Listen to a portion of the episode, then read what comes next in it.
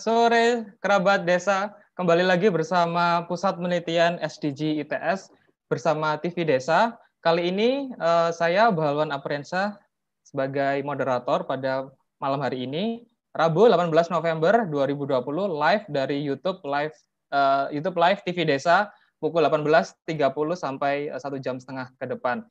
Izinkan saya untuk membacakan uh, topik pada malam hari ini yang sungguh uh, menjadi gebrakan baru dari salah satu perguruan tinggi negeri yaitu Institut Teknologi 10 November.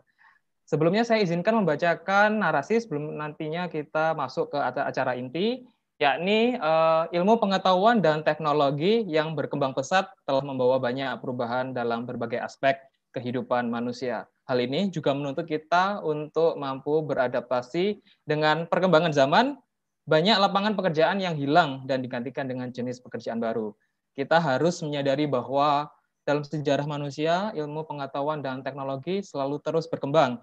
Contohnya revolusi industri yang terjadi pada abad, abad 18 di Inggris. Di era itu, penggunaan tenaga kerja hewan dan manusia kemudian harus diganti dengan penggunaan mesin berbasis manufaktur. Berangkat dari fakta di atas, negara perlu mengatur berbagai rencana strategis untuk mencetak sumber daya manusia yang kompeten dan kompetitif sesuai dengan kebutuhan zaman tak terkecuali dengan sektor pendidikan. pendidikan. Salah satunya adalah Institut Teknologi 10 November melalui manajemen bisnis mencetak generasi-generasi penerus bangsa dengan menguatkan karakter building dan juga kompeten.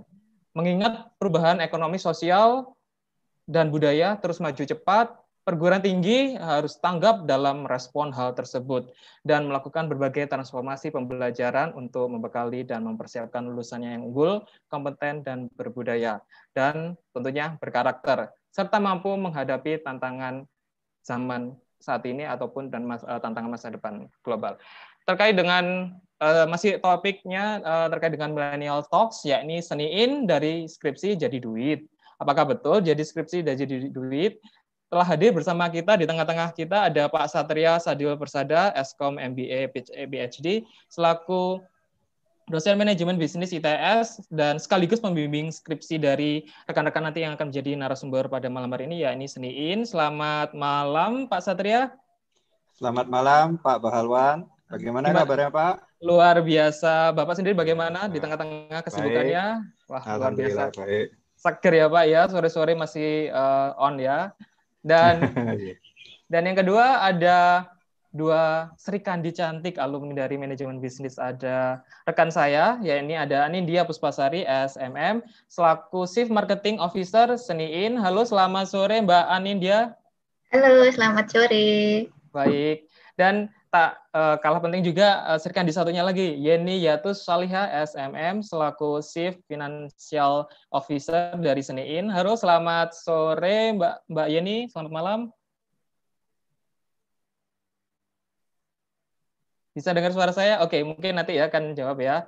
Baik, uh, kali ini topiknya cukup menggelitik gitu ya. Eh, terobosan-terobosan apa sih yang ingin diberikan oleh yang dikasih tahu ini, ini istilahnya manajemen bisnis. Ini kebetulan alumni dan juga eh, salah satu narasumber ini semuanya dari manajemen bisnis, tak terkecuali dengan moderator ya ini saya. Jadi kita ingin sedikit sharing apa yang sudah dilakukan oleh manajemen bisnis dan terobosan-terobosan apa sih yang out of the box ya, out of, uh, yang outlier yang sudah dilakukan manajemen bisnis terkait dengan skripsi ya. Sudah sesuai dengan contoh kali ini adalah skripsi dari uh, dari skripsi jadi duit. Nah, Mas Satria, uh, ini mungkin uh, untuk sesi pertama saya akan berikan beberapa menit gitu ya untuk Pak Satria memberikan paparan selaku pembimbing dan juga dosen manajemen bisnis apa sih yang dilakukan sama manajemen bisnis dan juga program-program apa yang akan diberikan untuk mengembangkan soft skill dan juga kompetensi gitu ya. Nanti uh, sesi kedua saya undang uh, rekan-rekan dari Seniin untuk sharing gitu ya. Kenapa sih mereka akan menggunakan skripsi ini uh, bisnis skripsi by bisnis ya lebih dikenalnya itu kenapa mereka mengambil yang lebih berbeda dari yang lain gitu ya. Tanpa berpanjang lebar lagi, saya kembali undang untuk Pak Satria Fadil Persada. Waktu dan tempat saya persilakan. Baik, terima kasih Pak Halwan. Uh, buat Bapak Ibu semua, hadirin pemirsa. Sebelumnya perkenalkan lagi, nama saya Satria Fadil Persada. Uh, saya salah satu dosen dari Departemen Manajemen Bisnis dan kebetulan juga menjadi pembimbing dari teman-teman kita yang luar biasa ini ya, para wirausahawan yang uh, berani untuk uh, ber ini ya, ber, ber berinisiatif untuk membuka atau melakukan uh, proses wirausaha di tengah kondisi pandemi maupun kondisi yang uh, sedang ini ya berfluktuasi. Baik, sebelum kita mulai, uh, ada baiknya kita mengenalkan dulu sih apa itu Departemen Manajemen Bisnis. Jadi uh, sekedar informasi bagi Bapak Ibu dan hadirin semua agar lebih dekat, lebih lebih kenal dan lebih uh, ini ya uh, familiar dengan Departemen Manajemen Bisnis. Untuk itu saya akan putarkan uh, video tentang profil kami dengan uh, durasi yang cukup pendek ya, tapi uh, sangat uh, padat untuk informasi. Untuk itu saya share dulu screen-nya.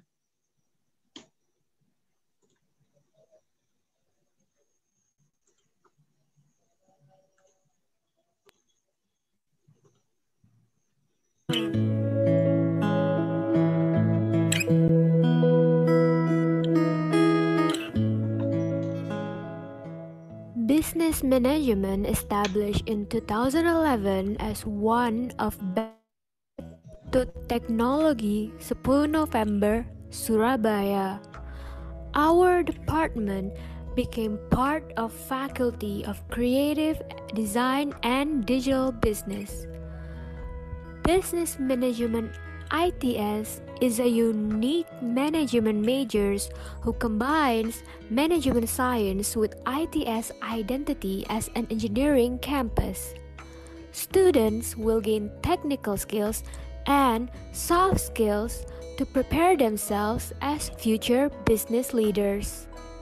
There are four major concentrations in business management of ITS, which are operation management and business analytics, marketing and entrepreneurship, human resource management, and also accounting and finance.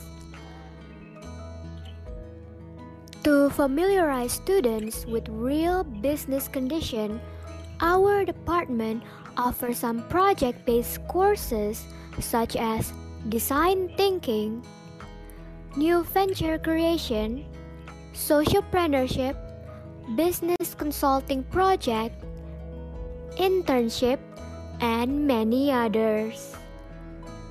Business Management ITS offers International Undergraduate Program or IUP for both Indonesian and foreign students. Students will get lectures fully in international exposure activities. Our department also offers double degree programs.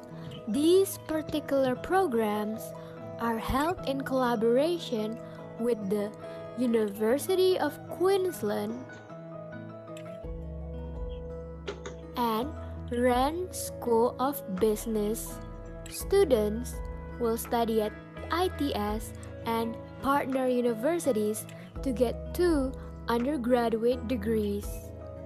We provide students the opportunities to take international mobility activities such as excursion studies,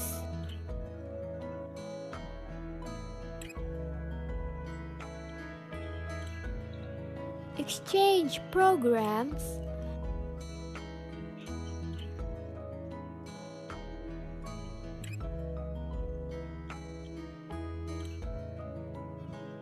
short course programs, international internships,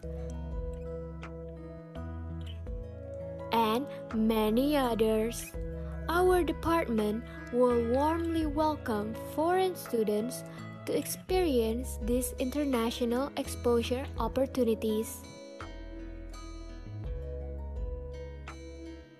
To support those activities, Business Management ITS have several international partners. There are two laboratories to promote researches at Business Management ITS, which are Business Analytics and Strategy Laboratory and Entrepreneurship and Small Medium Enterprise Laboratory. Business Analytics and Strategy Laboratory, or the BAS Laboratory, focuses on operation management, strategic management, finance, and accounting. There are 10 lecturers and researchers associated with the BAS laboratory. Business Analytics and Strategy Laboratory have several assistants to support its day-to-day operations.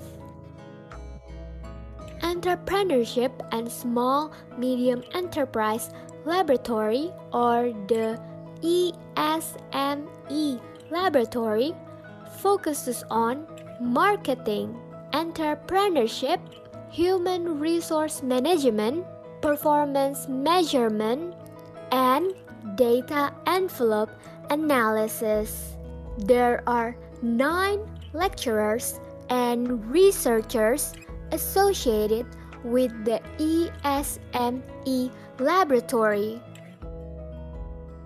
The Entrepreneurship and Small Medium Enterprise Laboratory also supported by several assistants to carry out the laboratory programs. Our department have more than 500 alumni. They work at different fields and industries such as national and multinational companies government, or even became an entrepreneur.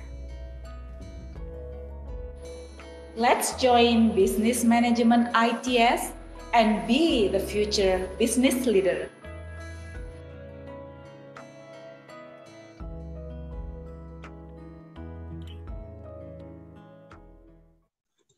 Ya, baik. Uh, jadi video Barusan adalah video profil tentang bagaimana Departemen Manajemen Bisnis dari sudut pandang internasional.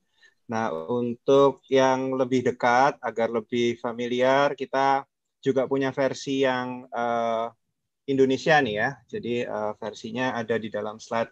Beberapa slide hanya pengenalan lebih dalam. Jadi uh, antara apa yang kami lakukan perusahaan. Untuk itu saya izin untuk share screen bagi uh, uh, slide yang akan uh, saya tampilkan.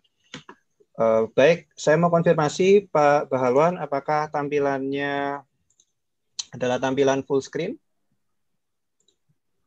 Sudah Pak. The Campus of Future Business Lead. Baik, terima kasih. Jadi uh, Baik, sesuai tagline-nya ya, bahwa manajemen bisnis uh, didesain untuk menjadi kampus yang mencetak uh, para pemimpin masa depan, pemimpin bisnis masa, masa depan. Uh, Departemen Manajemen Bisnis uh, masih berusia muda, relatif muda. Departemen Manajemen Bisnis berdiri dari tahun 2011, sehingga saat ini usianya relatif baru 9 tahun dan Departemen Manajemen Bisnis adalah satu-satunya departemen di ITS yang menawarkan program studi S1 Manajemen Bisnis. Jadi uh, bagi teman-teman yang ingin merasakan atmosfer dari manajemen bisnis di ITS, uh, eh, Bapak Ibu hadirin sekalian bisa berkunjung dan bermain-main ke departemen kami. Departemen Manajemen Bisnis juga memiliki uh, tingkat keketatan tertinggi ya ini keempat untuk ITS dan tertinggi nomor empat nasional. Jadi Departemen Manajemen Bisnis relatif sangat diminati ya bagi uh, Bapak Ibu yang memiliki anak dan ingin melanjutkan jenjang studi dari SMA untuk lanjut ke uh, program perguruan tinggi. Sarjana Manajemen Bisnis, kami membekali para murid dengan keterampilan dan kepercayaan diri secara ini ya untuk dapat uh, menjadi seorang pemimpin, bekerja di proyek dan dapat mengelola bisnis secara komprehensif. Departemen Manajemen Bisnis memiliki visi dan misi yang sangat global dan kompetitif, yakni kami berusaha untuk menjadi program studi sarjana, manajemen bisnis terkemuka dan bereputasi internasional, di mana untuk memenuhi ini kami mencoba memberikan penyelenggaraan pendidikan yang berkualitas maupun penelitian, dan juga melakukan kegiatan yang berhubungan dengan pengabdian masyarakat, di mana cabang-cabang dari kegiatan itu akan sangat banyak sekali spektrumnya, di antaranya adalah menjadi wirausaha yang dilakukan oleh nanti salah satu dari pembicara kita yang akan sharing yakni eh, CEO, CFO dan CMO dari Seniin, salah satu perusahaan yang lahir dari skripsi yang ada di Departemen Manajemen Bisnis. Baik, ini adalah tampilan gedung kami. Cukup nyaman seperti rumah dan uh, asri ya. Jadi akan membuat uh, Bapak Ibu yang ingin menyekolahkan anaknya di perguruan tinggi eh, program studi manajemen bisnis akan merasa eh, senang ya karena eh, mahasiswanya akan merasa nyaman dan merasa seperti di rumah ya dengan lingkungan-lingkungan yang cukup hangat. Ya, Departemen Manajemen Bisnis memiliki ingin mencetak profil lulusan yang memiliki pola pikir dan sikap kewirausahaan. Jadi bermindset wirausaha ya. Lalu juga uh, dengan semangat kreativitas dan inovasi untuk berpikir kritis dan analitis. Jadi uh, ketika nanti lulusan dari Departemen Program Studi S1 Departemen Manajemen Bisnis akan bisa dengan cukup kompetitif bersaing di dunia industri baik sebagai tenaga kerja maupun sebagai wirausaha. Departemen Manajemen Bisnis juga mencetak uh, lulusan yang dapat bertanggung jawab dan berpartisipasi sebagai masyarakat dunia atau bahasa Inggrisnya ini global citizen ya. Jadi berkontribusi tidak hanya di regional tapi juga nasional maupun global. Departemen Manajemen Bisnis memiliki empat uh, rumpun keilmuan, di antaranya adalah manajemen operasi, manajemen sumber daya manusia, manajemen pemasaran, dan kewirausahaan. Salah satu blok ini yang menjadi dasar dari teman-teman uh, perusahaan CV Lentera Seni, Seni Nusantara ya uh, untuk uh, mendalami skripsi berbasis bisnis dan juga uh, salah satunya adalah di antaranya ke uh, konsentrasi keuangan maupun akuntansi. Nah, tidak hanya teori, di Departemen Manajemen Bisnis juga banyak melakukan praktik-praktik bisnis ya. Jadi kami memiliki desain kurikulum yang cukup membuat uh, mahasiswa merasakan atmosfer dari praktik bisnis. Kita memiliki beberapa mata kuliah yang didesain supaya mahasiswa itu merasakan ekosistemnya. Di antaranya adalah penciptaan usaha baru, kewirausahaan sosial, konsultasi bisnis, proyek konsultasi bisnis, dan uh, internship atau magang ya. Jadi dari uh, beberapa mata kuliah ini menjadikan syarat, dijadikan syarat sebagai mahasiswa yang ingin melanjutkan uh, tugas akhir maupun skripsi dengan berbasis bisnis melanjutkan usaha yang ada atau yang diciptakan dari program-program uh, mata kuliah tersebut. Mengusung tema dari Institut Teknologi 10 November, Departemen Manajemen Bisnis juga mengusung uh, semangat teknologi dan kewirausahaan.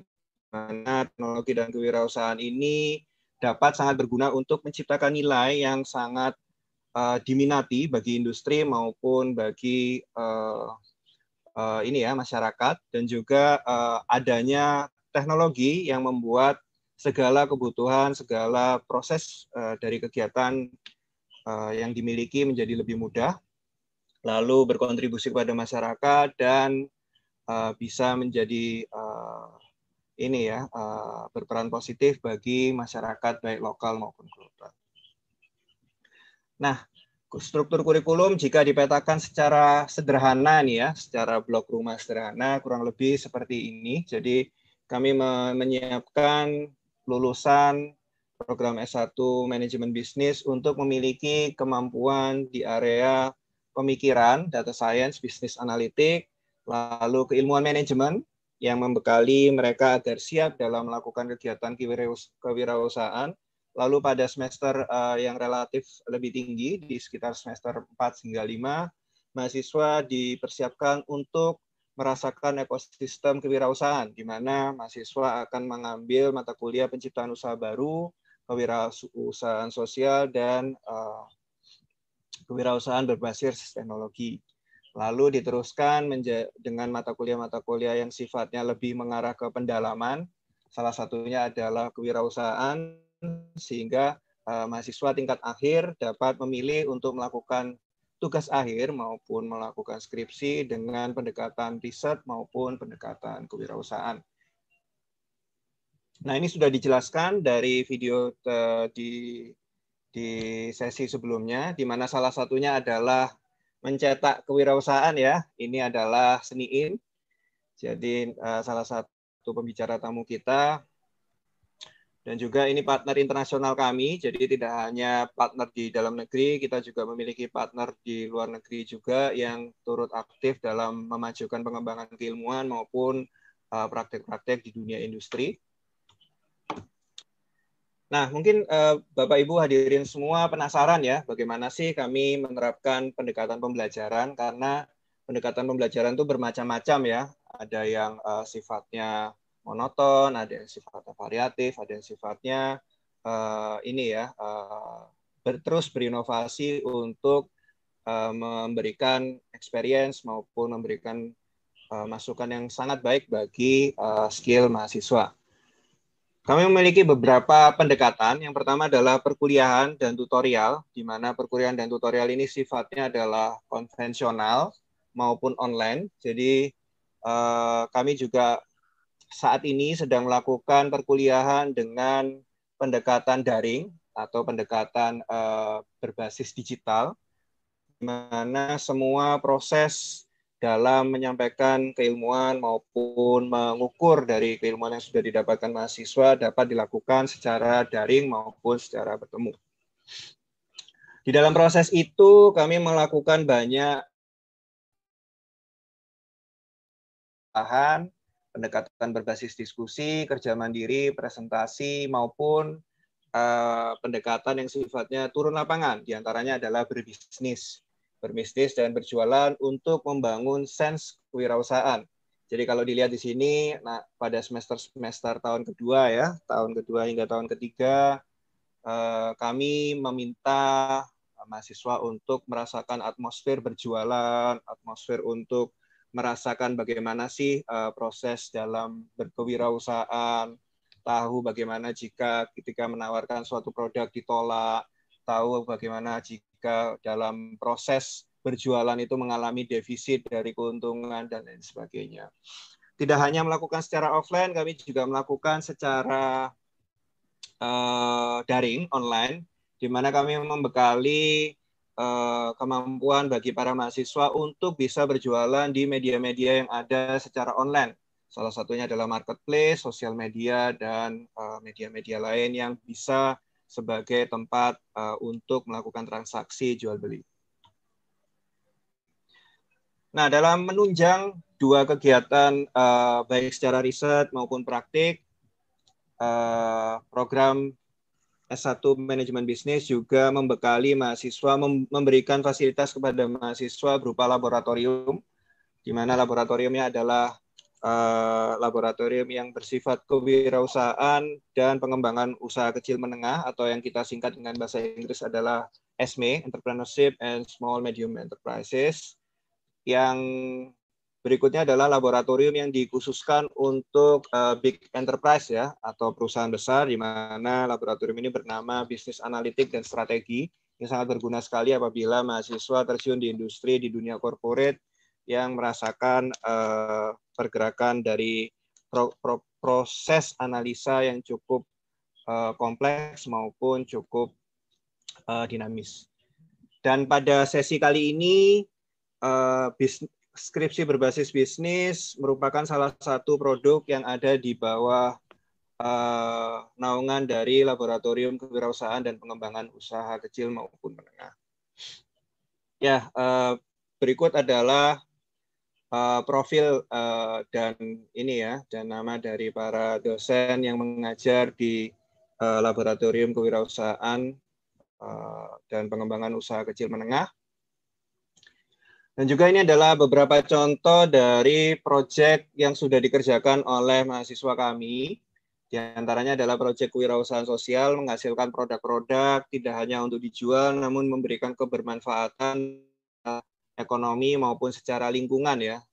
Di mana eh, perekonomian akan dapat menunjang bagi orang-orang yang membutuhkan maupun eh, dapat memberikan kebermanfaatan bagi lingkungan secara lokal maupun secara regional.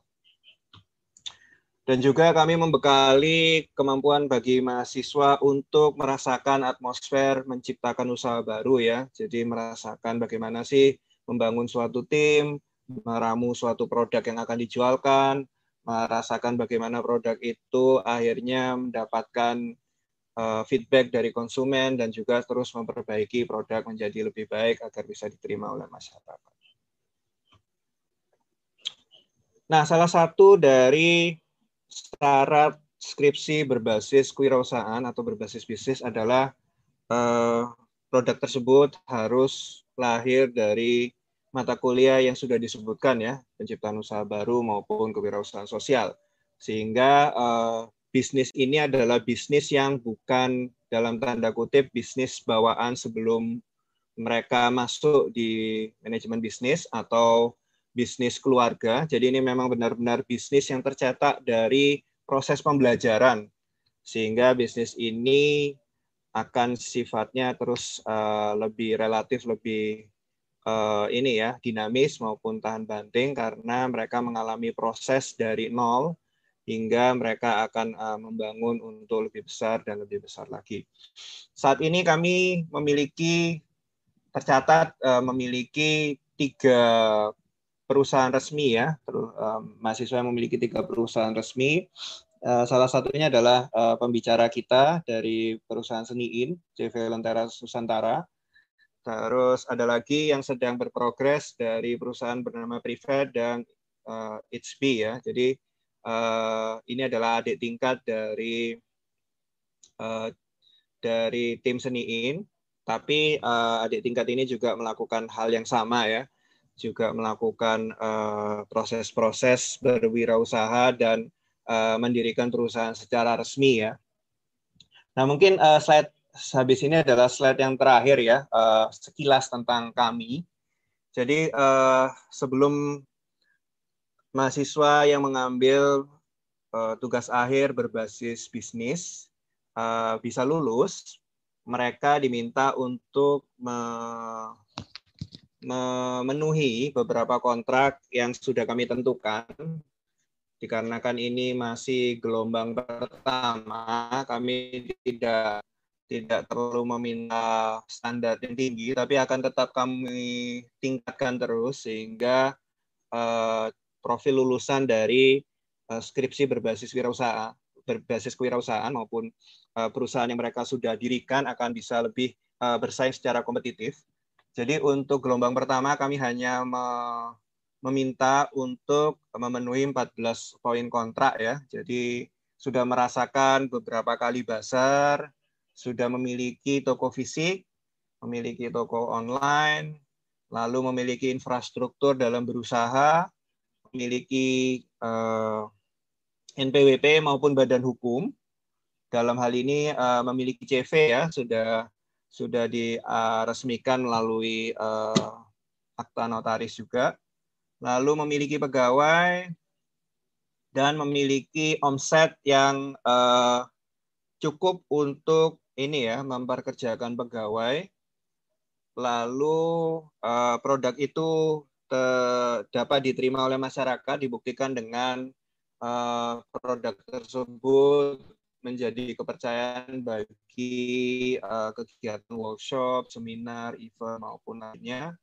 Dan juga uh, seperti perusahaan yang lainnya, uh, bisnis yang didirikan harus memperoleh investor ya atau memperoleh uh, suntikan modal dan lain sebagainya sehingga akan bisa menjadi lebih stabil dan juga uh, mereka diminta untuk sharing ya, sharing kepada mahasiswa yang uh, lebih muda untuk menumbuhkan semangat kewirausahaan dan juga uh, progres secara berkala. Di mana jika uh, 14 poin ini sudah dinilai uh, baik, sudah dinilai cukup untuk lulus, maka uh, skripsi berbasis bisnis dapat disidangkan. Namun uh, akhir sidang dari skripsi bisnis tidak tidak menjadi akhir ya, itu merupakan awal bagi perusahaan yang sudah lepas dari Departemen Manajemen Bisnis menjadi perusahaan yang siap untuk berkontribusi bagi bangsa maupun negara. Baik, kurang lebih begitu cerita singkatnya Pak Bahalwan. Mungkin uh, saya kembalikan lagi ya ke Pak Bahalwan. Jadi, oke. Okay. Luar biasa sekali. Ini kampusnya kampus milenial sekali ya Pak ya kalau dilihat. Apalagi mengusung tema ini ya, uh, mengusung semangat dari Pak Menteri ya, uh, Mas Menteri uh, Nadiem Makarim ya ini merdeka belajar. Jadi sekarang oh. sudah nggak uh, apa namanya banyak sekali alternatif untuk rekan-rekan semua, uh, terutama punya passion di bidang bisnis nanti bisa lulus tanpa harus membuat skripsi secara konvensional. Ini adalah salah satu contoh uh, dari rekan-rekan alumni manajemen bisnis bahwasanya manajemen sini punya terobosan baru dan bagus yang bisa mengakomodasi passion dan juga minat dari uh, mahasiswa. Jadi kita belajarnya sangat enjoy dan juga sebenarnya tadi sudah dijelaskan sama Pak Satria uh, berawal dari uh, teman gitu ya Pak ya. Jadi ini bukan bisnis yang mereka bawa dari lahir itu ya. Bukan kaya dari lahir tapi kaya dari uh, ketekunan seperti itunya. Nah, Pak kira-kira sebelum saya mengundang rekan-rekan, oh ya saya juga mengundang untuk kerabat desa yang ada di rumah, yang di mana pun Anda berada, uh, turut berpartisipasi aktif dalam uh, diskusi tanya jawab melalui chat kolom chat kolom kolom chat uh, streaming YouTube live dari TV Desa maupun di kolom chat Zoom uh, yang ada pada malam hari ini. Nah, satu pertanyaan Pak Satria terkait dengan uh, skripsi by business.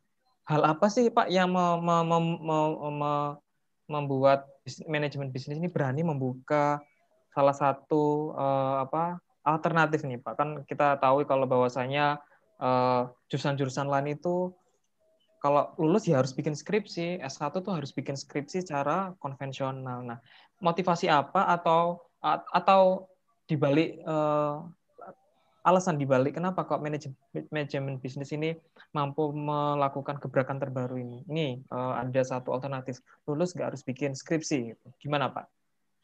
Baik, terima kasih Pak Balwan. Jadi itu pertanyaan yang sangat bagus sekali ya. Uh, kenapa sih kita keluar dari uh, aliran-aliran konvensional ya karena memang kita bisa melihat bahwa paradigma dari model bisnis, paradigma dari model pendidikan itu terus berkembang ya sehingga dengan adanya skripsi berbasis bisnis ini uh, merupakan salah satu jawaban ya dari uh, bagaimana sih kita merespon uh, uh, semangat untuk merdeka belajar ya. Jadi Merdeka Belajar itu uh, membuat para mahasiswa bisa merasakan atmosfer eksternal, tidak hanya atmosfer internal yang ada di perguruan tinggi. Karena memang ketika nanti teman-teman mahasiswa lulus itu akan langsung terjun ke dunia pekerjaan, baik itu secara industri maupun secara kewirausahaan, di mana uh, jika tidak ada sentuhan-sentuhan dari eksternal ketika sedang berkuliah, itu mereka akan cukup kaget ya akan cukup kaget, akan cukup bahasa milenialnya adalah baper gitu ya, bawa perasaan.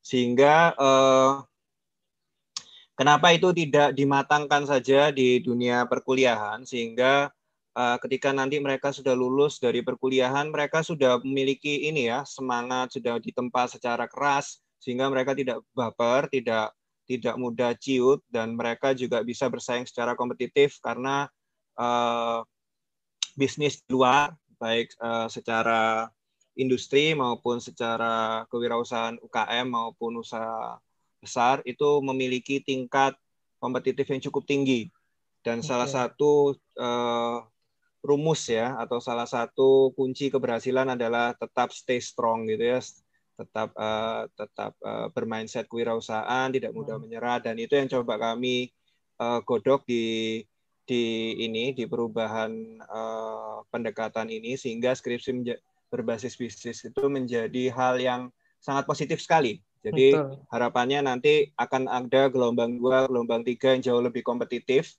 yang hmm. uh, yang setara dengan apa yang sudah dialami oleh gelombang satu di dunia di dunia ini ya di dunia real secara beberapa hmm. tahun itu yang akan coba kami bawa untuk beberapa gelombang uh, skripsi bisnis ke depan. Okay. Begitu Baik. Pak Bahalwan. Jadi semangatnya terus uh, ini ya menjawab tantangan dari perubahan model bisnis maupun dinamika dari pendidikan. Baik, jadi istilahnya manajemen bisnis ini sangat visioner ya Pak terkait dengan dinamika apa kehidupan sosial, tantangan global. Jadi mahasiswa ini dituntut untuk uh, belajar mandiri, betul salah satunya dengan uh, adanya skripsi by bisnis ini. Apalagi uh, student center learning itu sangat ditekankan ya uh, pemahaman mahasiswa, kemandirian, kemudian soft skill, tanggung jawab dan leadership itu merupakan salah satu capaian uh, di luar dari ijazah maupun IPK yang pada dasarnya ya kita memahami bahwa itu penting akan tetapi ada uh, manajemen bisnis ini mengambil risiko yang beyond that itu ya. Jadi misalnya kalau orang Jawa ngomong golek perkoro eh ternyata betul rekan rekan-rekan ini ada Mbak Hanin dan juga uh, Mbak Yeni ini sering dising golek molo Pak ya. Jadi kalau orang Jawa itu saya besar dan uh, tinggal dari Jawa jadi uh, golek molo. Nah ini kita sudah hadir di tengah-tengah kita Mbak Anin sama Uh, Mbak Yeni, halo, uh, selamat malam, apa kabar? Malam, Pak. Halo, Mbak Yeni selaku uh, Chef of uh, Financial ya dari Seniin dan juga Mbak Anin. Halo, Mbak Anin.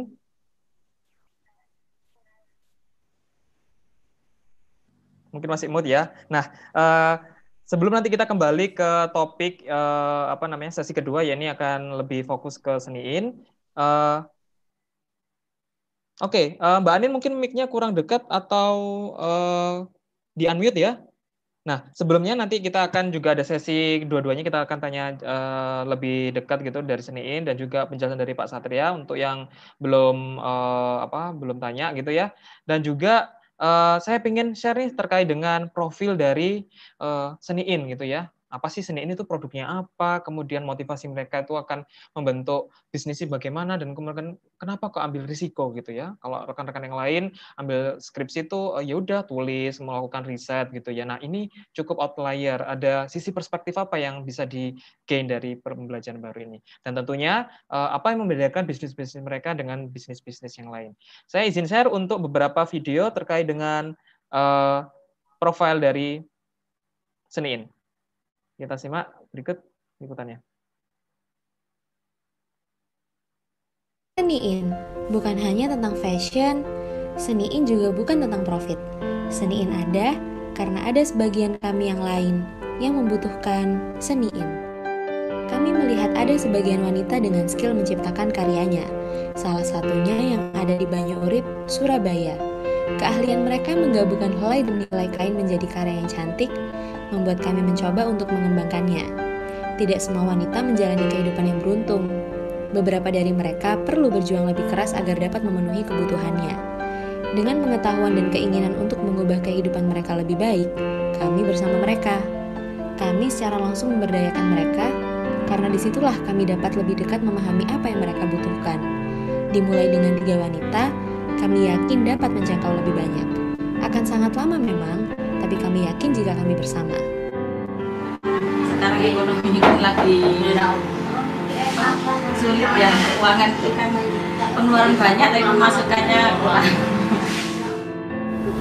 Alhamdulillah bisa bantu biayai anak saya di pesantren dan keduanya bisa untuk jajan anak saya dan mau apa-apa nggak minta suami.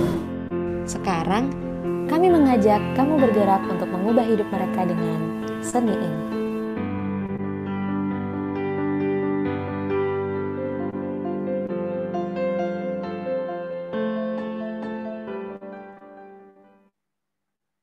Luar biasa sekali uh, apa yang sudah disampaikan oleh uh, profil sudah cukup membawa banyak cerita gitu nggih dari apa yang uh, disampaikan oleh Seniin melalui uh, video profil tadi. Uh, selanjutnya ini ada video sedikit lagi terkait dengan apa yang sudah di, di ditampilkan. Baik, saya izin untuk menyampaikan ini video dari Seniin. Sebentar. Oke.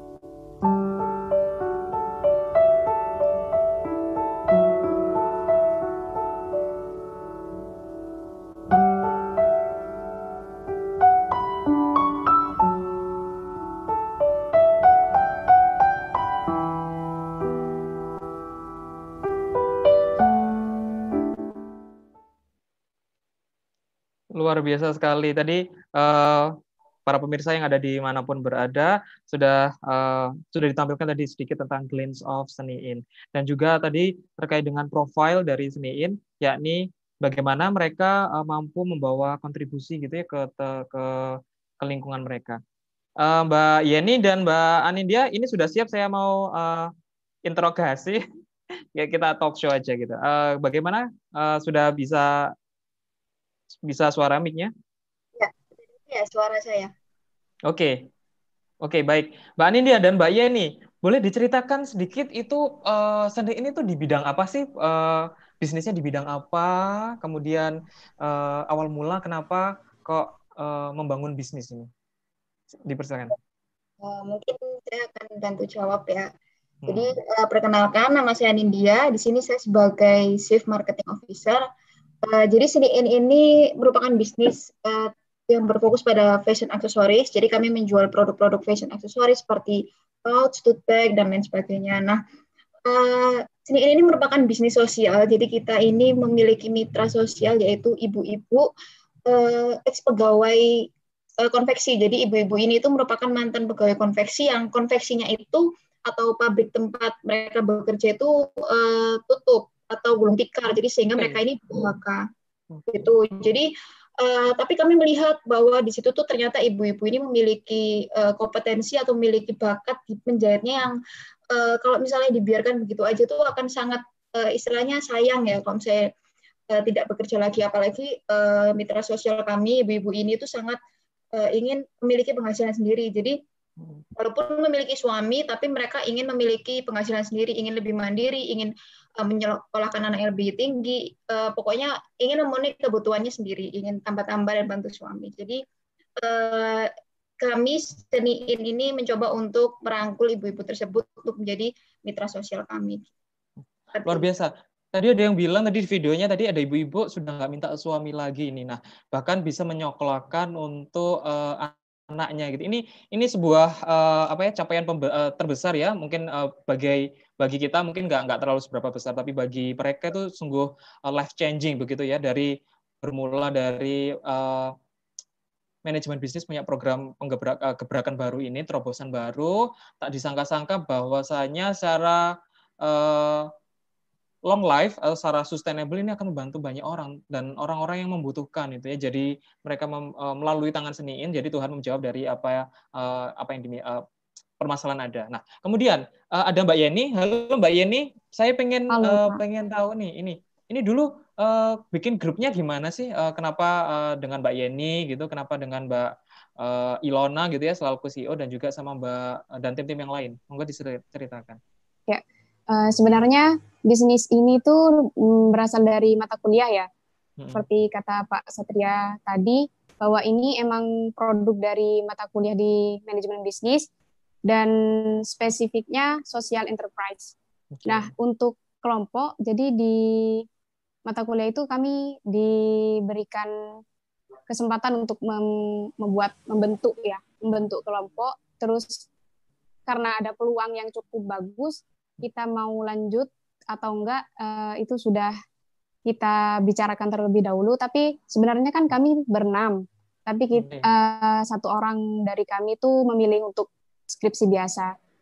Jadi sampai saat ini kami masih berlima. Oke.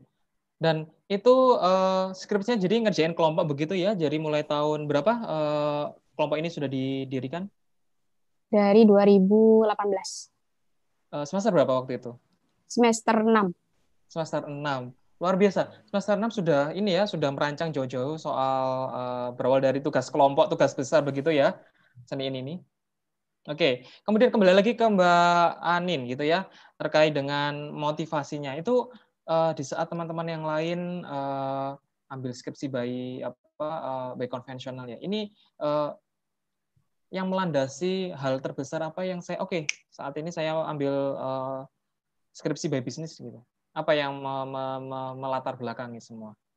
Iya, sebenarnya ini agak unik sih karena waktu pertamanya itu karena skripsi yang kami ambil ini skripsi bisnis yang baru pertama kali di manajemen bisnis, tapi hmm. waktu itu uh, kita berlima, uh, alhamdulillah waktu itu kelompok kami yang sini saat ini itu menurut saya itu kelompok yang sangat kompak. Jadi saat uh, ada pengumuman bahwa pembukaan skripsi berbasis bisnis ini kita langsung uh, satu sama lain kayak langsung ayo daftar aja gitu. Jadi kita udah punyanya dari awal dan kita jalani akhirnya sampai saat ini.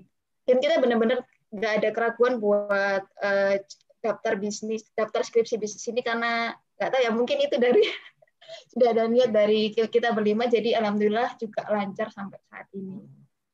Baik, uh, sebelum kembali ke Mbak Yeni, uh, Pak Satria, saya ingin kembali ke Pak Satria terkait sebagai ini ya selaku uh, dosen pembimbing skripsi by business. Nah, Pak, kira-kira ada treatment berbeda nggak sih dari skripsi by business dengan skripsi yang konvensional pada umumnya? Ya, baik. Terima kasih Pak Balon. Hmm. Jadi, karena ini memang uh, lulusan dari skripsi berbasis bisnis pertama, dulu uh, Pak Berto dan saya memang me mengalami ini ya, mengalami uh, tarik ulur untuk menentukan standar sebenarnya untuk mereka nanti siap uh, dilepas ke dunia bisnis yang ada di luar itu harus seperti apa sih? Sehingga uh, pada kasus uh, bukan pada kasus ya pada proyek seniin pertama ini kami uh, ingin memproteksi bukan ini ya bukan 100% melepas juga. Kami ingin ingin uh, menyiapkan sebaik mungkin sehingga uh, proyek seni ini bisa menjadi inspirasi bagi adik tingkatnya uh, anak-anak manajemen bisnis untuk uh, mengikuti ya. Sehingga uh, banyak treatment-treatment yang uh, dilakukan ya untuk uh, seni ini uh, sebagai contoh bahwa kami memiliki beberapa event yang besar dan yang event besar itu juga memiliki kebutuhan untuk infrastruktur uh, seperti Eh, produk-produk dan lain sebagainya. Dan kami uh, ingin membuat uh, seni itu terbiasa dengan uh, bagaimana sih menghandle suatu project sehingga uh, ketika uh, project tersebut dilakukan saya ingat waktu itu ketika ada dua konferensi internasional yang kami lakukan dalam waktu satu tahun mhm. dan uh, dua konferensi internasional itu disanggupi oleh Seniin untuk uh, dilakukan ya untuk diambil proyeknya dan itu nilainya lumayan ya saya pikir uh, lumayan untuk uh, untuk rata-rata uh, mahasiswa seumuran mereka hmm. jadi mereka menghandle uh, menghandle project senilai puluhan juta waktu itu di mana teman-teman dari mereka itu hanya hanya mendapatkan uang dari orang tua ya. terus hanya menghabiskan nah di sini mereka mengolah ya jadi hmm mendapatkan proyek berupa uh, supplying kebutuhan konferensi yang nilainya hingga puluhan juta waktu itu ya. Hmm. Dan itu uh, mereka cukup berproses, berprogres, be bertambah pengalaman sehingga mereka uh, akhirnya melakukan uh, proyek-proyek di luar ya, tidak hanya di konferensi internasional itu, mereka melakukan proyek-proyek lain dan itu membawa buah yang cukup manis bagi uh, keberlanjutan usaha mereka. Dan itu uh, menjadi inspirasi ya bagi adik tingkat dari Seniin sehingga lahirlah dua perusahaan di bawah ini ya di bawah mata kuliah yang uh, berbeda yang terinspirasi dari bagaimana Seniin telah membuat atau ini yang menerobos uh, sebagai pionir ya bagi pionir, bisnis betul, berbasis bisnis yang yang waktu itu kita uh, deg-degan ya apakah anak ini kelompok ini proyek ini siap untuk bersaing di dunia eh, di Nyata. dunia luar ya ternyata wow. mereka sanggup dengan baik ya dan dan luar biasanya uh, saya cukup salut dengan seni ini nih dengan adanya periode pandemi itu mereka terpukul juga ya dengan uh, dengan uh, income-nya. Namun uh, saya cukup cukup ini ya cukup salut karena mereka terakhir kali waktu itu berprogres ke kami ke dosen pembimbing uh, Pak Birto dan saya menginfokan bahwa mereka sudah mencapai omset yang menurut saya luar biasa ya dalam waktu dalam waktu yang singkat ya dari 2018 sampai 2020 itu uh, di atas 100 juta ya kalau nggak salah ya Mbak Anindya dan Mbak Yeni uh, wow 100 untuk, juta ya untuk uh, prosesnya ya. Di atas di atas ya di lebih dari itu. Jadi saya pikir itu sudah lumayan sekali sudah cukup siap untuk ini ya apa namanya uh, bersaing ya secara secara kompetitif maupun secara berinovasi terhadap dunia bisnis. Begitu Pak Bahalwan. Oke, uh, pertanyaan kedua ini cukup uh, menarik ya Pak ya. Ini masih terkait dengan skripsi by business karena memang ini adalah outlier dan belum temu belum uh, pionir utama ya untuk di ITS uh, khususnya di kampus teknik apalagi kampus kita kan terkait uh, banyak sekali yang uh, berhubungan dengan teknikal uh, apa uh, yang bersifatnya adalah teknis. Nah, kemudian di manajemen bisnis melakukan uh, gebrakan baru yaitu skripsi by business. Yang menjadi pertanyaan adalah uh, proses validasinya itu akan sama Pak? Ataukah ada uji-uji juga yang lain uh, kepada uh, apa para mungkin ada reviewer ataupun apakah ini akan menjadi treatment yang sama gitu ketika menguji uh, di konvensional skripsi konvensional sama skripsi by business Tentunya akan sangat berbeda Pak Balwan uh, dari sudut pandang apa yang mau kita ukur ya dalam uh, keberhasilan mereka menjalankan skripsi berbasis bisnis ya. Hmm. Sehingga uh, ketika skripsi berbasis biasa itu memiliki empat indikator penilaian ya dari hmm. topik, ide, presentasi dan lain sebagainya. Skripsi berbasis bisnis ini memiliki lebih banyak ya, memiliki 14 kontrak gitu ya. Wow. Untuk luar biasa lulus ya 14 ukuran dan itu ukurannya adalah bagaimana kesuksesan mereka di luar ya. Jadi dan ini uh, dengan catatan bahwa ini adalah uh, starting point, tidak berarti uh, selamanya akan di posisi ini. Tentu akan di posisi yang lebih baik ya, karena uh, saat ini kami sedang uh, ini ya uh, dalam posisi uh, me,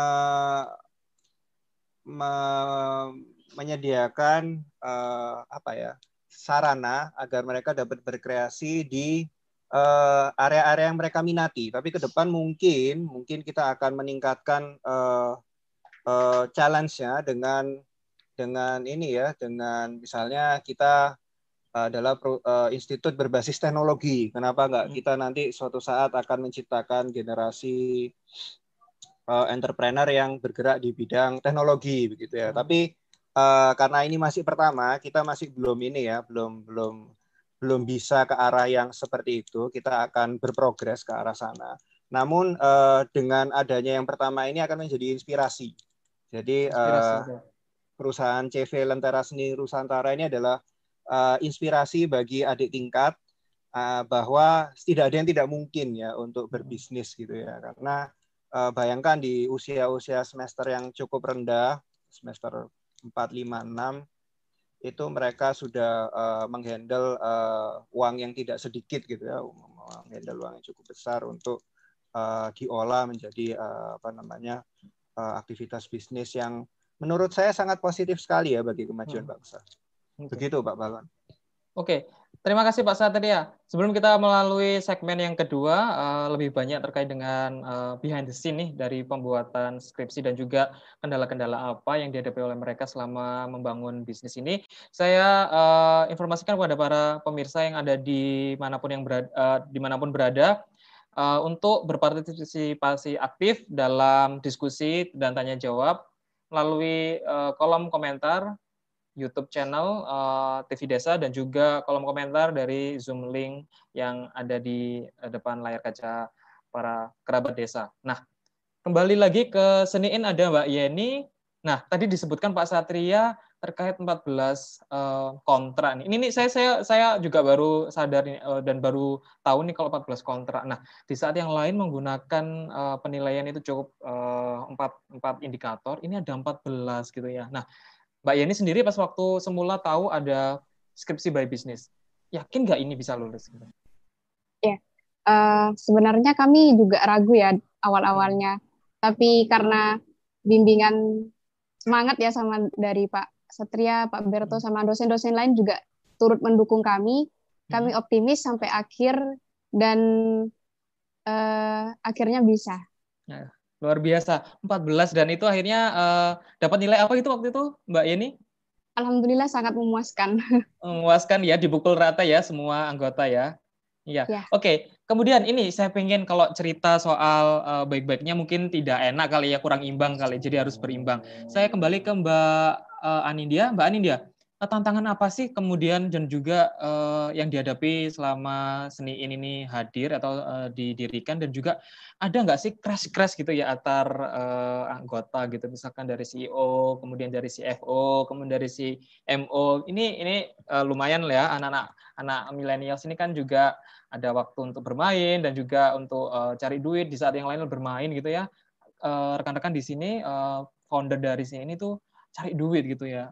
Nggak nggak nggak pacaran atau nggak istilahnya kalau anak-anak sekarang nggak mau nikah atau gimana nih? Cari cuan mulu. Mbak Nindya gimana tantangannya? Ya kalau uh, tantangannya di sini ini itu mungkin di awal-awalnya itu uh, tantangannya itu adalah saat kita merintis. Jadi semua merintis dari nol benar-benar hmm. membangun dari nol. Gimana caranya cari customer gimana caranya membuat produk baru gimana caranya hmm. ini dan itu kita benar-benar belajar dari nol. Dan itu yang bikin susah karena memang merancang itu adalah susah ya kalau misalnya kita menjalankan apa yang udah ada itu mungkin lebih mudah daripada kita merancang dari nol. Kemudian Betul. mungkin uh, kalau untuk dari kelompok sendiri kita berlima itu benar-benar punya kepala yang berbeda, punya uh, pemikiran yang berbeda-beda. Nah itu salah disatukan itu agak susah kadang-kadang. Betul betul. Hampir setiap hari setiap kita diskusi itu pasti ibaratnya itu ngotot karena kita uh, diskusikan. Tapi ya untungnya kita bisa melewati semua itu walaupun kita sering berantem, sering diskusinya sering macam-macam lah pokoknya tapi yang penting kita itu masih satu visi, satu misi nggak istilahnya nggak putus asa di jalan gitu. Kira-kira uh, ya. silakan. Hmm, silakan. Mungkin untuk kendala lain ya uh, waktu pandemi ini sih. Jadi uh, karena kita fokusnya di offline, pertama itu kita fokus penjualannya di offline, lalu kemudian saat pandemi ini benar-benar merubah kondisi seni Jadi yang sebelumnya kita berjualannya uh, fokus di offline, tapi kita harus putar otak untuk gimana caranya kita bisa berjualan di online dan alhamdulillah ternyata kita bisa melewati masa-masa sulit itu. Oke, okay. oke. Okay. Uh, eh, terus kemudian pertanyaan yang selanjutnya terkait dengan uh, tantangan tadi sudah ya. Kemudian hal buruk. Jadi tentunya uh, kira-kira yang bisa di-sharing dari rekan-rekan uh, yang ingin mengambil skripsi by bisnisnya, yang bisa kalian lakukan ketika kalian menjadi kembali mahasiswa gitu ya. Uh, apa yang do and don'ts yang uh, perlu diperhatikan untuk memulai skripsi by business? Saya pengen dari Mbak Anindya dulu, nanti saya lanjutkan ke Mbak Yeni. Do and don'ts gitu. Uh, kalau do sih yang paling penting adalah niat dan kekompakan dari kelompok karena kan ini berlima ya jadi harus punya visi yang sama jangan sampai di tengah jalan ada yang keluar nah itu yang benar-benar harus ditekankan di awal harus punya visi karena uh, dalam menjalankan uh, skripsi ini, dalam menjalankan bisnis ini itu benar-benar harus kompak gitu. Jadi hmm. nggak bisa tiba-tiba uh, di tengah jalan udah dapat setengah jalan, udah susah susah-susahnya, tapi tiba-tiba uh, berubah pikiran gitu. Dan itu nggak nggak bisa ya kalau kayak gitu. Uh, mungkin itu sih. Komitmen tentunya ya. Jadi saya tangkap dari soal komitmen dan juga uh, apa namanya ketekunan ya. Jadi kalau nggak ada komitmen dan ketekunan ini mungkin nggak bisa bergulir sejauh ini. Kalau dari Mbak Yeni gimana? Kalau dari saya sendiri kan ini uh, kuliah ya, hmm. tentunya uh, masih ada andil dari keluarga untuk hmm. dunya mungkin uh, izin ya, karena ini skripsinya nggak cuma satu semester tapi bisa berlanjut hmm. dan agak uh, susah juga. Jadi untuk dunya mungkin izin dari keluarga dan dukungan mereka. Oke, okay. baik. Uh, terima kasih Mbak Yeni sama Mbak Anindya. Tentunya nanti kita akan lanjutkan ke segmen yang ketiga terkait dengan uh, lebih teknis ya, bagaimana caranya membangun, kemudian mulai dari nol, membangun CV, kemudian cari duitnya itu gimana. Nah ini yang perlu di highlight dari rekan-rekan semua adalah di saat yang lain mereka spending money gitu ya, kalian dapatkan uang dan sekali dayung dua dua dua tiga pulau terlampaui. Nah, eh, saya informasikan kembali pada para pemirsa di mana pun berada untuk berpartisipasi aktif, memberikan tanya jawab dan juga eh, para adik-adik eh, calon-calon wisuda gitu ya, yang ingin wisuda tahun depan ini adalah salah satu alternatif buat rekan-rekan semua di kampus mana pun dan juga bapak ibu yang mungkin lihat berprofesi sebagai dosen ini bisa menjadi salah satu alternatif untuk terobosan terbaru di kampusnya. Dan ini saya rasa ini adalah program-program yang cukup positif ya untuk mengembangkan minat dan bakat dan tentunya akan menjadikan uh, penciptaan usaha baru gitu ya di manajemen bisnis ini ada mata kuliah yang mempunyai satu benang merah. Nah, ada ya NVC yaitu uh, New Venture Creation dan juga Social Entrepreneurship. Nah, uh, salah satu contoh sukses dari uh, mata kuliah itu dan program pendidikan itu adalah seniin. Nah, di seksi kali ini saya ingin menceritakan uh, proses pembuatan CV-nya gitu ya. Uh, kembali lagi ke Mbak Mbak Anindya ya. Proses pembuatan dari CV-nya ini butuh waktu berapa lama sih untuk membangun uh, secara legal gitu? Kalau untuk pembuatan CV-nya mungkin bisa kita ambil waktu uh, dari dua minggu hingga satu bulan yang paling lama ya. Hmm. Uh, untuk prosesnya itu cukup mudah. Yang penting kita udah punya NPWP hmm. dan udah punya domisili. Jadi kita udah punya domisili kantor itu yang utama. Lalu uh, mungkin data-data pendukung lainnya yang uh, bisa dengan mudah digunakan untuk pembuatan CV ini. Karena juga nanti akan dibantu oleh uh, konsultan atau mungkin pakai konsultan atau mungkin notarisnya. Seperti itu. Oke, okay. uh, kurang lebih butuh waktu satu bulan, nggak terlalu uh, susah ya? Atau perlu uh, ilmu khusus gitu? Oh, nggak, nggak perlu, nggak perlu ya. Nggak perlu ya. Nggak okay. perlu.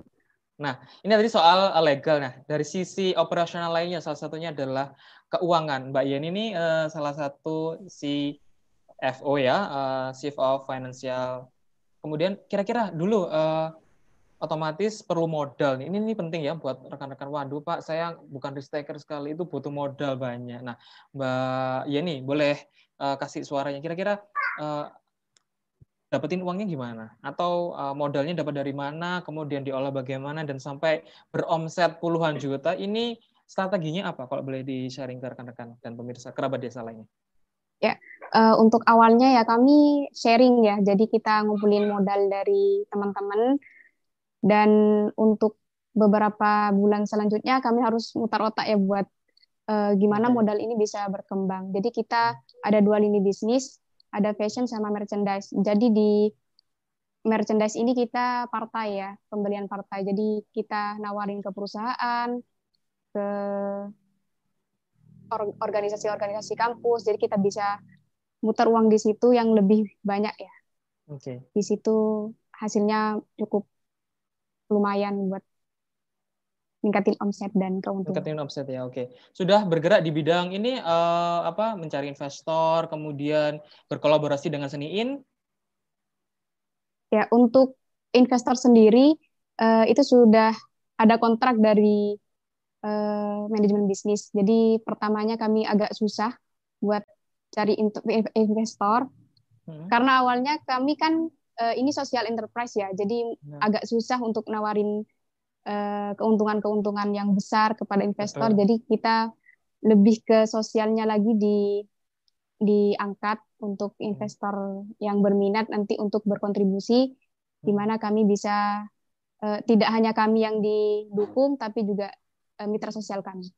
Jadi mitra sosial. Nah, ngomong-ngomong soal mitra sosial, tadi sempat disinggung terkait dengan dari ibu-ibu di Keputaran. Sorry, di mana daerah mana?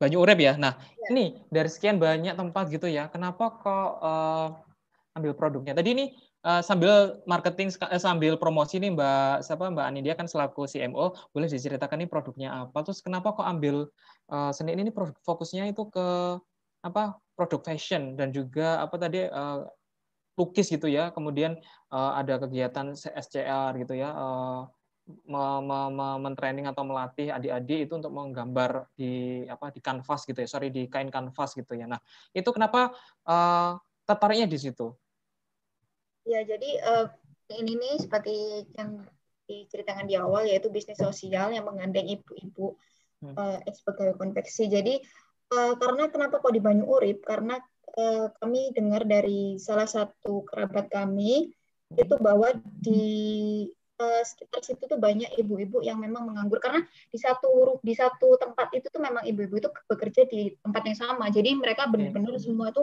semenjak di PHK itu ya banyak yang menganggur. Jadi uh, di situ kita akhirnya mengajak ibu-ibu itu dan akhirnya uh, terus akhirnya bertambah juga dari pertama tiga orang akhirnya berlanjut eh, hingga pandemi ini naik jadi lima orang dan hingga kami bisa memiliki tujuh mitra sosial. Nah, hmm. uh, uh, bukan hanya dari bukan hanya dari uh, pabrik yang bangkrut itu tadi, pabrik yang gulung tikar, tapi juga karena pandemi ini juga banyak uh, penjahit-penjahit tersebut itu yang uh, kurang memiliki pesanan ya. Jadi pesanannya itu mungkin yang biasanya jahit untuk hotel atau perusahaan apa, nah itu tuh jadi berkurang gara-gara pandemi. Nah itu kita ajak untuk gabung aja di sini. Biasanya kalau uh, mitra sosial kami itu kalau misalnya dia bekerja di pabrik atau ikut orang lain itu tuh mungkin upahnya kurang kurang cukup baik ya, maksudnya kurang cukup uh, besar jika dibandingkan dengan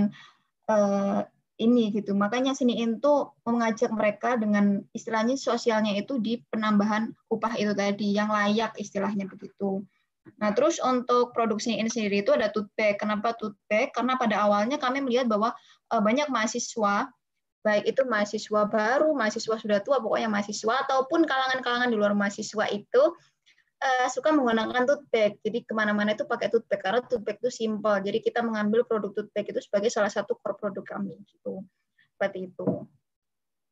Nah, ini pertanyaan dari Bu Janti. Tunjukin dong barangnya. Ini kan tadi ingin pamer tuh. Ini uh, bisa sampai uh, ratusan juta omsetnya. Ini bagusnya kayak gimana sih? Boleh di-sharing? Ada katalog ataupun produk-produk yang sudah uh, portofolio yang sudah dilakukan? Di PowerPoint yang saya kirimkan. Oke, atau Mbak Anin atau ada yang bisa share screen? Ini pakai HP ya? Iya, Pak. Bentar ya. Nah, uh, selagi nunggu saya buka nih, ada satu pertanyaan lagi nih untuk Pak Satria ya. Uh, sedikit loncat. Uh, pertanyaannya adalah untuk Pak Satria ini ya, uh, dari Pak Faiz. Faiz Sugihartanto. Apakah memungkinkan nantinya ada skripsi lintas departemen? Nah, ini pertanyaan menarik karena tadi uh, disebutkan bahwasanya uh, anggotanya itu semua dari MB. Nah, tadi disebutkan skripsi berbasis teknologi. Tentu akan dibutuhkan kolaborasi antar departemen. Jadi dua pertanyaan ini saling uh, berintegrasi ya, saling ada linkage-nya memungkinkankah nantinya ada skripsi lintas departemen gitu bisa jadi nanti ada di departemen biologi departemen mana kemudian informatika gitu sistem informasi yang masih ada kaitannya bisnis gitu ya terkait dengan teknologi dan informasi gitu nah. Apa pak tanggapannya untuk Pak Satria?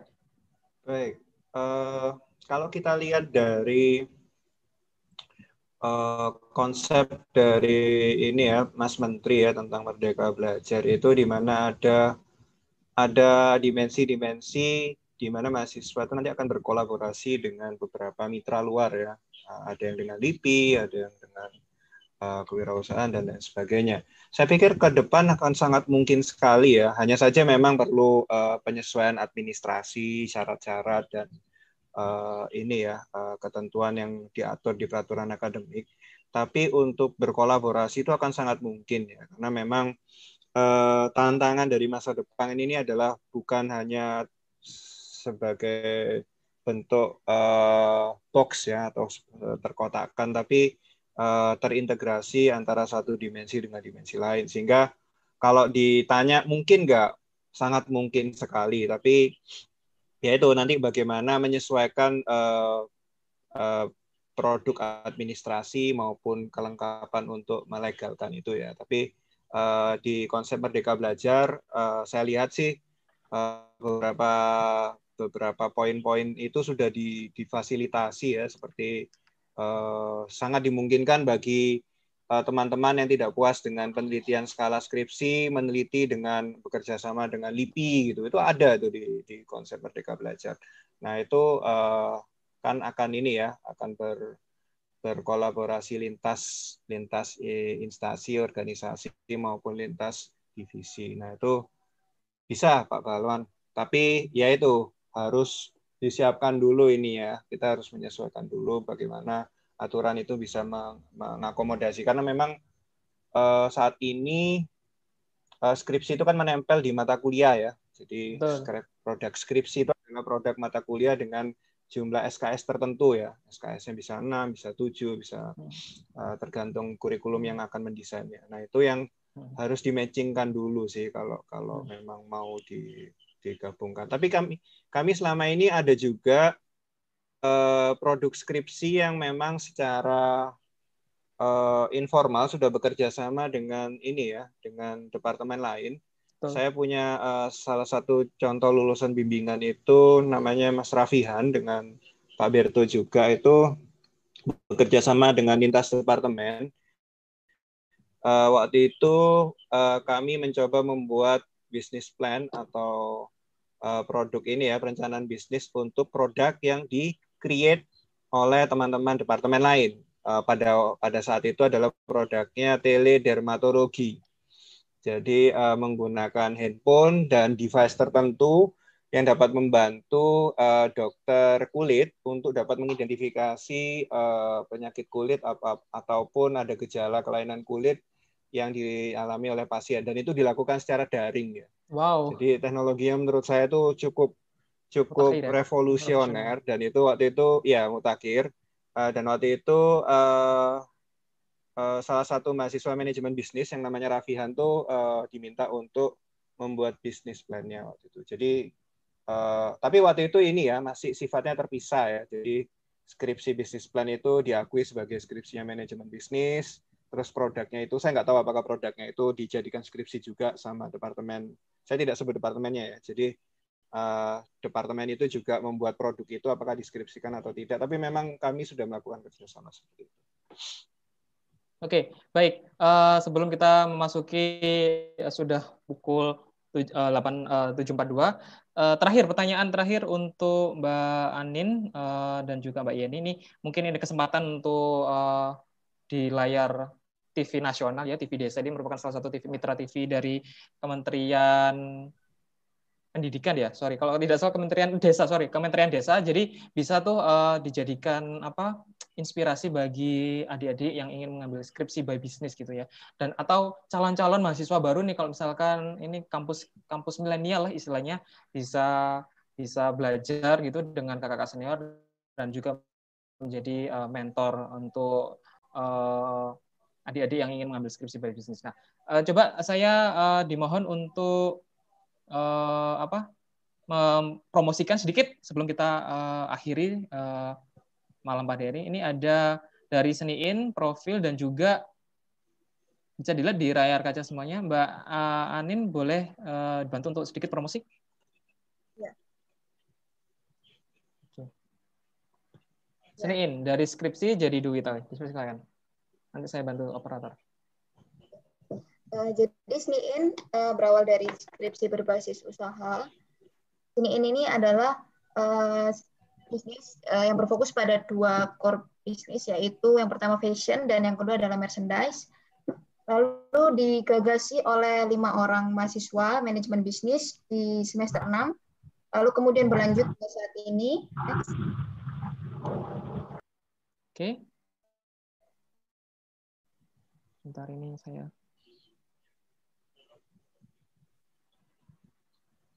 Ya, ini lima orang mahasiswanya uh, terdiri dari uh, CEO, CMO, CTO, dan CFO serta ada CMO juga. Next. Ini semua masih aktif ya, masih aktif ya, semua ya? Tinggal saat ini. Oke. Okay.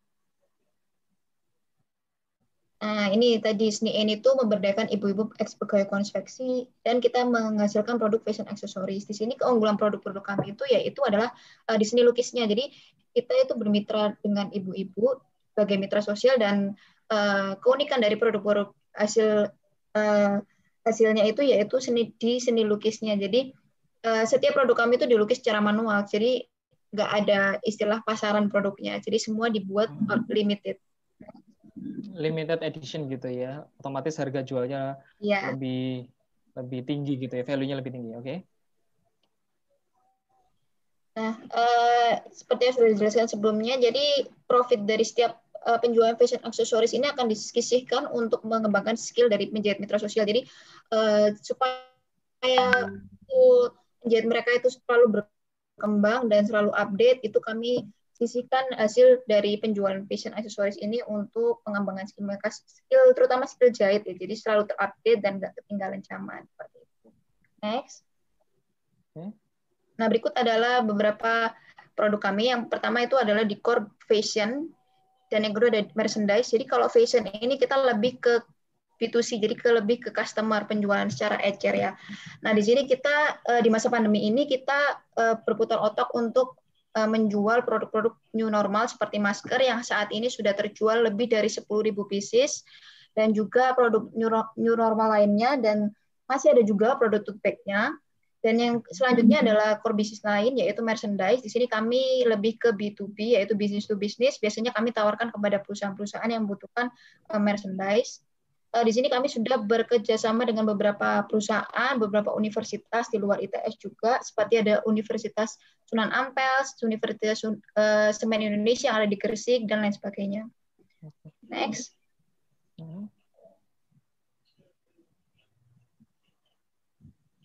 Nah, berikut adalah uh, Shopee Snein. Jadi Snein ini berjualan saat ini fokus pada penjualan online, yaitu bisa ditemui di Shopee ataupun Tokopedia, ataupun di Instagram juga ada. Uh, semua platform kami bernama seni.in, jadi mudah dicarinya. Nah, ini beberapa contoh gambar dari uh, penampakan Shopee kita.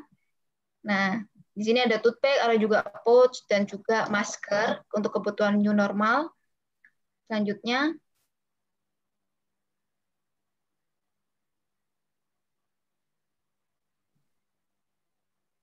Nah, ini Tokopedia kami. Sama halnya dengan di Shopee, kami juga aktif di Tokopedia. Jadi kita mempunyai uh, dua e-commerce yaitu Tokopedia dan Shopee di sini untuk lebih menjangkau banyak customer lagi di online. Lanjut. Sudah slide terakhir ya Pak Nih, promosi soal sosial uh, medianya. Ya, jadi uh, bagi yang ingin mengetahui seni lebih dalam, uh, di sini kita ada Instagram. Instagram kami cukup aktif. Setiap hari kami update dan di sini uh, customer bisa uh, menghubungi kami di link yang tertera. Jadi kita uh, banyak platform. Jadi ada di Instagram, di DM bisa atau di WhatsApp bisa. Di sini kami biasanya uh, memberikan promo-promo dan juga update terbaru terkait dengan seni Okay. Nah, ya mungkin itu.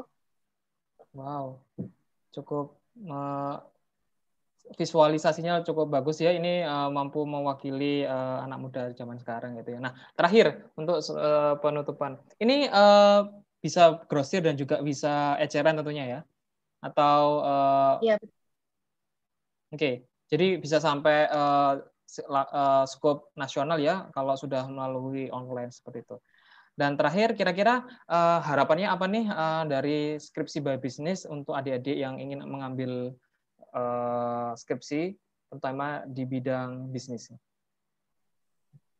Uh, kalau dari saya, pesan dari saya, uh, menurut saya skripsi by business ini benar-benar skripsi yang membantu mahasiswanya untuk bisa keluar dari zona nyamannya. Jadi benar-benar bisa mencoba hal baru. Jadi uh, mungkin bagi beberapa orang ini cukup cukup menakutkan ya karena memang benar-benar beda dari biasanya, beda dari yang umum ibarat kata. Uh, tapi saat kalian punya kelompok yang uh, kompak atau kalian punya visi yang sama, punya tujuan yang sama, pasti akan terlalui dengan baik dan juga uh, skripsi ini juga bisa menuntun untuk apa ya memiliki bisnis yang lebih terorganisir. Jadi selama uh, memiliki bisnis ini tuh kita benar-benar di apa ya, dibimbing sama dosen-dosen bukan hanya dosen pembimbing, dosen penguji, hmm. tapi kita bisa konsultasi ke semua dosen. Nah ini tuh bonus karena kita istilahnya bisa mendapatkan coaching secara gratis ke semua dosen dan ini benar-benar kita manfaatkan banget untuk mengembangkan karir karir bisnis kami ke depannya. Nah di sini kita banyak belajar bukan hanya soal teori tapi juga soal praktek. Benar-benar prakteknya itu seperti apa kita benar-benar jalani. Untuk dukungan dari para dosen juga sangat sangat mendukung. Eh, konsultasi juga kapan aja boleh. Nah, di sini selain kita konsultasi ini kita juga biasanya dapat istilahnya suntikan semangat. Biasanya kita kalau udah semangatnya turun kan biasanya kalau misalnya mungkin penjualan kita kurang bagus, nah itu biasanya Absen, semangat udah mulai turun ya. Okay. Udah udah mulai lesu. Nah, ini nih kita langsung mulai coaching lagi biar kita tuh istilahnya semangatnya disuntik lagi biar bisa jalan lagi. Hmm. Kalau dari Mbak Yeni, uh, apa yang perlu disampaikan untuk para adik-adik dan calon-calon uh, apa namanya mahasiswa gitu ya. Bisa jadi tahun depan ada mahasiswa yang terinspirasi dari uh, apa kerja keras dan juga karya dari seni. Apa yang bisa disampaikan? Ya untuk teman-teman uh, pasti banyak ya di luar sana uh, diremehkan karena bisnisnya berkelompok jadi mudah. Dan kita tahu kenyataannya nggak semudah yang mereka bicarakan. Okay. Jadi tetap semangat, buktikan sama mereka semua kalau uh, bisnis ini uh, kita bisa berhasil gitu. Dan kita bisa lebih dari mereka yang setelah lulus masih bingung untuk ngapain tapi kita sudah bisa lulus sudah menghasilkan uang dan uh, tidak bingung lagi untuk uh, ke mana jadi tetap semangat dan jadikan ocehan-ocehan orang lain itu jadi semangat buat kita tetap bisa membuktikan. Oke, baik. Terima kasih Mbak Yani. Nah, Pak Satria nih selaku dari aka, apa uh, pendidik ya, uh, uh, tenaga pengajar gitu ya, apa yang bisa disampaikan untuk calon-calon adik-adik yang ingin ambil uh, skripsi bisnis? Monggo Pak. Baik, terima kasih Pak Balwan. Jadi memang uh, saya melihat bahwa banyak dari teman-teman yang uh, sudah menjalani ya, yang belum apa namanya belum melanjutkan untuk skripsi bisnis itu mereka memiliki ketakutan yang uh, sebenarnya tidak perlu ditakuti gitu ya. Mereka terlalu banyak was-was dan lain sebagainya. Dan itu memang tantangan ya bagi kami, uh, bagi kita kita teman-teman dosen untuk meyakinkan bahwa mereka itu sebenarnya bisa. Mereka itu was-was uh, karena mungkin menakut uh, apa ya takut akan hal-hal yang sebenarnya tidak perlu mereka takutkan gitu ya. Jadi uh, ada berbagai stimulus ya. Jadi stimulus-stimulus yang terus kita tingkatkan dari tahun ke tahun untuk uh, ini ya untuk me menggugah atau membuat mereka tertarik menjadi uh, wirausaha ya atau uh, mengambil skripsi berbasis uh, kewirausahaan. Jadi uh, otomatis ya standarnya kita coba tinggikan gini ya. Kalau dulu uh, nggak jual seminggu nggak jualan uh, hasilnya kecil nggak apa-apa. Nah kalau sekarang ya minimal kamu harus jualan supaya kamu bisa hidup lah harus bisa makan dari uang jualanmu. Jadi di target setiap hari harus berjualan berapa. Nah itu uh, akhirnya mereka dapat kompresan dari experience yang mungkin dirasakan sama teman-teman seniin di luar ketika sudah bikin CV ya itu coba kita bawa masuk ke sini nih. Gimana sih caranya muter otak supaya supaya bisa makan gitu ya dalam tanda kutip ya. Meskipun saya tahu bahwa mereka tuh di di ini ya memiliki kecukupan finansial dari orang tua tapi cobalah uh, dengan dengan mata kuliah yang yang diampu saat ini gimana sih caranya kita bisa hidup dari penjualan ini? Nah itu Eh, bentuk-bentuk uh, semangat motivasi itu yang memang tantangan juga bagi eh, teman-teman uh, pendidik untuk me, ini ya menghilangkan kewaswasan dari mahasiswa yang sebenarnya saya yakin sebenarnya mereka bisa hanya hanya mereka was-was saja sehingga hmm. was-was itu yang terkadang mengurungkan uh, ini ya niat padahal kita nggak tahu nih uh, apa namanya uh, Zuckerberg itu meskipun DO dari kampusnya ternyata sukses gitu ya. Hmm. Kita nggak tahu ternyata kalau memang uh, dia sebenarnya memiliki bakat kewirausahaan, tapi karena was-was itu akhirnya nggak bisa muncul gitu ya. Betul. Nah itu yang uh, yang apa namanya jadi sayang sekali ya. Mungkin eh. begitu sih Pak Balwan. Jadi uh, men-challenge terus lah. Gitu. Baik, kita sudah di penghujung acara. Sebelum kita mengakhiri uh, diskusi yang sungguh lively dan juga sangat interaktif, uh, kerabat desa TV di mana pun berada, uh, izinkan saya untuk memberikan sedikit narasi di akhir untuk merangkum apa yang kita sudah pelajari terkait dengan uh, Merdeka Belajar, salah satu contoh sukses yang sudah dilakukan melalui ITS, melalui Departemen Manajemen Bisnis, ya ini pionir skripsi by bisnis pertama di uh, eh, ITS ini ya terkait dengan tantangan Merdeka Belajar Kampus Merdeka. Oke, terlepas dari berbagai peluang positif yang dijanjikan oleh kebijakan ini, program Kampus Merdeka juga memiliki tantangan tersendiri karena untuk mencapai hasil maksimal, yakni uh, para lulusan perguruan tinggi harus mempersiapkan diri baik secara sumber daya manusia maupun fasilitas serta, serta merancang kurikulum yang tepat dan sesuai dengan kebutuhan zaman. Uh, namun terlepas dari peluang dan tantangan dari kebijakan ini, yang terpenting adalah bagaimana perguruan tinggi mencetak lulusan yang unggul, kompetitif, berkepribadian tentunya. Tadi rekan-rekan tadi sudah cukup uh, uh, merepresentasikan well behave, kemudian bagaimana caranya ber, beretitude, berkolaborasi dengan berbagai ilmu disiplin gitu ya, dan berkarakter yang tercabut uh, yang tidak tercabut dari budayanya dan masih tetap uh, bernorma dan uh, berada timur gitu ya. Karena kualitas-kualitas tersebutlah yang akan berkontribusi positif terhadap kesejahteraan kehidupan bangsa. Saya Bahlon Apriansyah selaku moderator pada malam hari ini undur diri dari uh, uh, para pemirsa dan juga kerabat desa kerabat TV desa di mana pun berada. Selamat malam dan saya ucapkan terima kasih Pak Satria sudah uh, berkenan hadir di malam hari ini dan juga rekan-rekan dari Seniin, Mbak Anin dan juga Mbak Yeni sudah memberikan uh, unek-unek dan ceritanya terkait uh, dari kosong dari awal dari from zero to hero ya membangun bisnisnya. Baik, rekan-rekan semuanya uh, saya undur diri dan sampai jumpa uh, di kesempatan lainnya. Wassalamualaikum warahmatullahi wabarakatuh. Waalaikumsalam.